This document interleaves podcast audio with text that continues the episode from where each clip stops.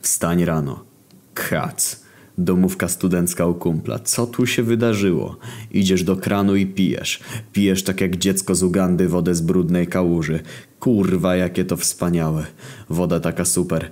Pragnienie ugaszone. Wiesz dobrze, że to tylko chwilowe uczucie i na tym się nie skończy.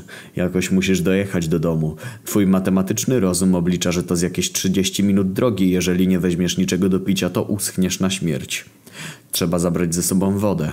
Szybki rekonesans po mieszkaniu, czy jest coś, w czym mogę zabrać wodę. Wszystko porozpierdalane, wszystkie butelki ponacinane w pół. Co my robiliśmy? Nagle twoje bystre oczy dostrzegły butelkę.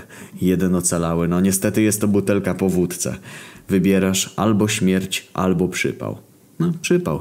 Nalewasz i wykurwiasz z kwadratu na przystanek. Zadowolony w chuj pijesz sobie wodę. Ludzie patrzą się na ciebie jak na niedojebanego. W sumie im się nie dziwisz. Podróż pija spokojnie. Sączysz łyczek po łyczku. Najlepsza rzecz, jaka ciebie dzisiaj spotkała.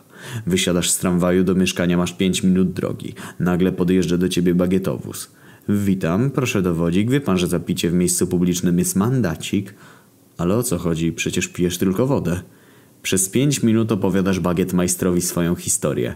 Kiśnie srogo. Podajesz mu butelkę z wodą. Wącha, macha ją we wszystkie strony. No faktycznie woda. Ponownie wybucha śmiechem. Oddaje butelkę, życzy miłego dnia i odjeżdża z dobrym humojkiem. Uświadamiasz sobie, co właśnie odpierdoliłeś. Cieszysz się, bo może poprawiłeś humojek bagietmajstrowi i z tej okazji nie wpisze nikomu mandaciku. Zadowolony wracasz do domu pijąc swoją wodę.